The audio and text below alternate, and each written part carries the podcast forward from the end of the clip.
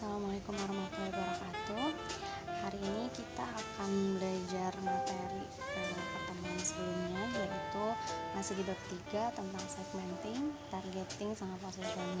Nah, kali ini kita akan bahas tentang pengembangan produk. Pengembangan produk itu sebenarnya apa sih sebetulnya? Jadi dalam sebuah perusahaan itu pasti setiap tahunnya atau bahkan seorang pengusaha itu dari jauh-jauh hari pasti sudah e, memikirkan jangka panjang e, apa sih yang nantinya akan dikembangkan oleh perusahaan tersebut. Entah itu dari keunggulan produknya misalnya. Ya? atau e, bagaimana cara pemasaran untuk e, memasarkan produknya gitu. nah ini nanti akan dibahas di pengembangan produk pertama yang akan kita bahas di sini ada tiga materi hari ini ya. Sebetulnya materi hari ini itu adalah materi kemarin di hari Kamis, cuman karena kakak belum sempat jelasin, nah kakak jelasin di hari ini. Ada tiga materi hari ini. Yang pertama adalah pengertian produk itu apa sih. Jadi minimal teman-teman tahu kenapa sih kita harus belajar tentang pengembangan produk.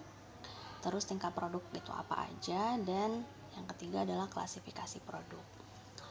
Nah, dari ketiga materi ini semoga teman-teman bisa nyimak dengan baik karena nantinya kita nanti akan belajar tentang pengembangan produk itu dari sini.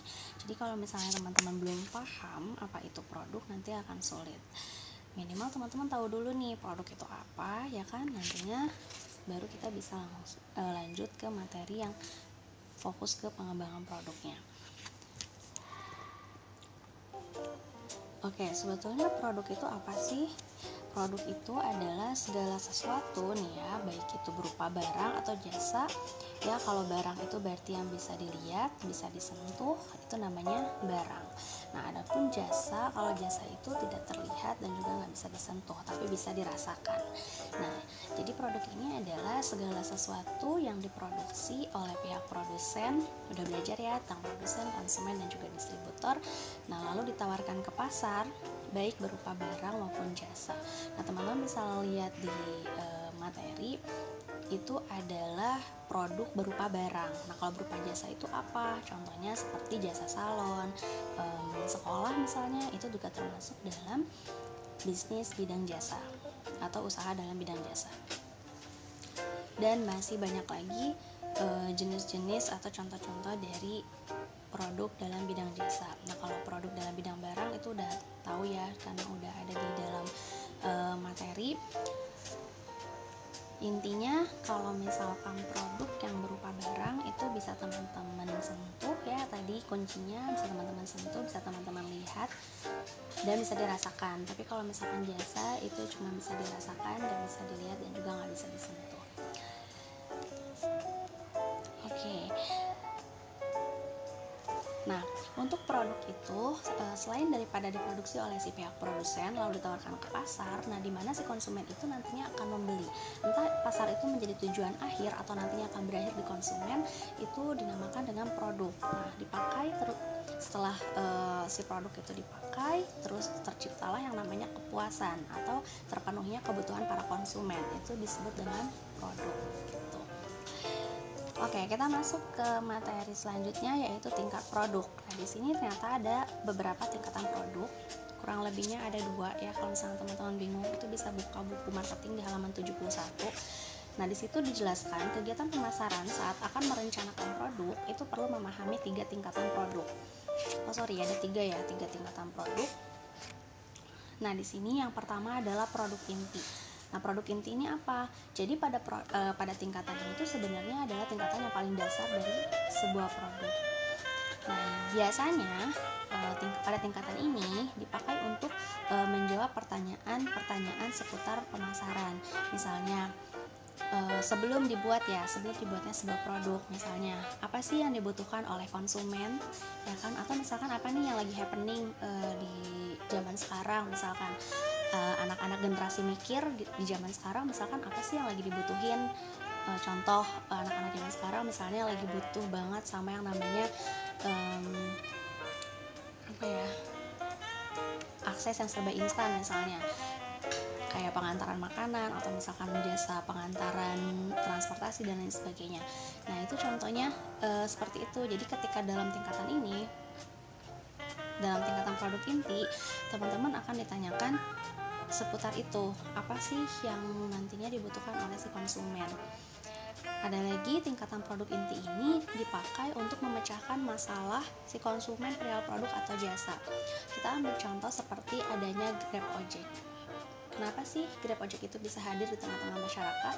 Karena masyarakat zaman sekarang seperti yang kakak bilang, misalnya mager kalau harus cari pangkalan ojek gitu kan, atau misalkan hmm, antara rumah sama pangkalan ojek itu terlalu jauh misalnya, sedangkan butuh yang namanya pakai motor misalnya transportasi umum Nah, itu termasuk dalam uh, pemecahan masalah kebutuhan si konsumen.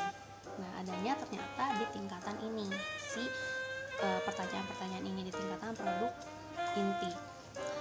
Nah, sebelum merancang produk, si pihak pemasaran ini harus merancang e, rencana dulu, rencana si produk. Kenapa?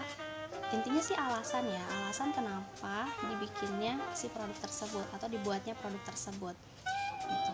Nah, pihak pemasaran juga harus mampu nih um, mengartikan atau mendefinisikan manfaat apa aja sih yang sekiranya nanti uh, akan didapatkan oleh si konsumen ketika produk-produk itu dijual. Ini masuk dalam produk inti atau core product gitu. Nah, ada pun tingkatan kedua setelah produk inti tadi intinya e, apa sih yang nantinya akan perusahaan buat, terus ap, manfaat apa aja yang nantinya akan diberikan ketika produk ini disebarluaskan. Itu dalam produk inti dan masuk ke tingkatan kedua yaitu ada produk aktual ya. Produk aktual ini apa sih? Jadi produk aktual ini uh, produk yang diciptakan ya di sekitar produk inti. Jadi setelah kita memikirkan manfaat apa yang nantinya akan dibutuhkan oleh si konsumen, terus kita memikirkan apa sih yang nantinya diinginkan oleh konsumen, ada namanya produk aktual. Di sini udah lebih uh, kurang lebihnya udah jadi lah si produknya. Nah, produk aktual ini pada dasarnya memiliki lima ciri khas. Ya, ada lima ciri khas. Yang pertama adalah tingkatan kualitas.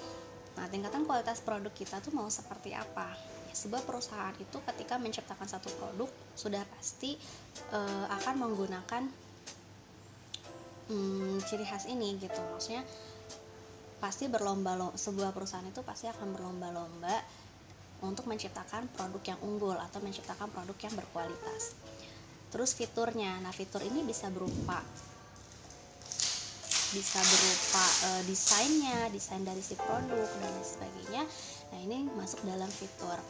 Terus ada rancangan, ya rancang tuh rancangan tuh seperti prototype dalam misalkan kalau mau bikin obat misalnya dia mau bentuk tablet, kapsul, cai eh, sirup atau apa nih gitu. Nah, itu rancangan.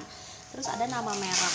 Kalau nama merek ini contohnya banyak banget. Misalkan biasanya perusahaan itu akan membuat nama merek yang mudah diingat oleh si konsumen. Jadi nggak nggak cari nama-nama yang ribet lah gitu istilahnya. Kira-kira nama-nama seperti apa sih yang gampang diingat sama konsumen? Yang sekiranya ketika konsumen beli produk itu dia akan selalu uh, ingat lah gitu di benak konsumen atau di pemikiran konsumen tentang merek itu gitu. Dan yang kelima adalah kemasan Nah jangan salah loh teman-teman, banyak banget konsumen yang kadang nggak memikirkan isinya bagus atau enggak, tapi dia ngelihat kemasannya dulu nih, packagingnya dulu seperti apa. Pagi cewek-cewek nih kalau misalkan belanja ke mall atau ke toko-toko gitu ya, pasti mereka bakal ngelihat uh, kemasannya dulu. Lucu gitu kan kemasannya gitu. Atau misalkan uh, packagingnya unik gitu. Nah ini juga bisa menjadi salah satu ciri khas dari si produk aktual ini.